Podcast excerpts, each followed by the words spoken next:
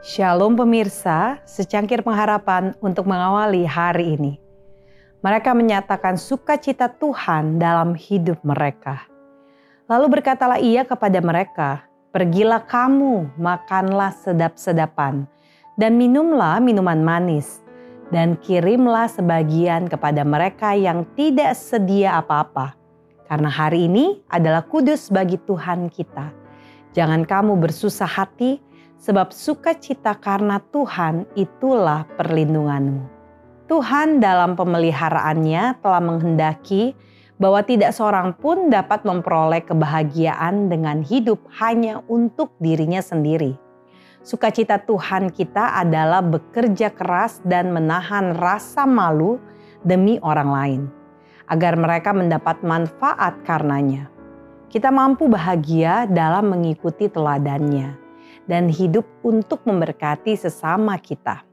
Kita diundang oleh Tuhan kita untuk memikul kuknya dan memikul bebannya. Dengan melakukan ini kita mungkin bahagia.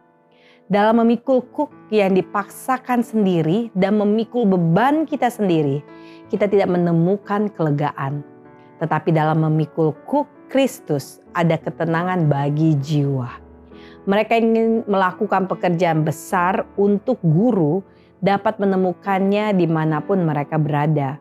Dalam berbuat baik dan dalam melupakan diri sendiri dan mengorbankan diri. Mengingat orang lain dan membawa sinar matahari ke mana pun mereka pergi. Testimonies for the Church jilid 4 halaman 224. Seluruh surga menunggu saluran-saluran yang dapat mencurahkan cairan kudus untuk menjadi kesukaan dan berkat bagi umat manusia. Kristus telah mengadakan setiap persediaan agar jemaatnya akan menjadi tubuh yang berubah, diterangi dengan terang dunia, memiliki kemuliaan Immanuel.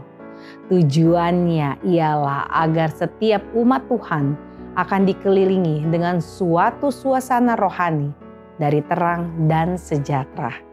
Ia ingin agar kita menyatakan kesukaannya sendiri dalam kehidupan kita.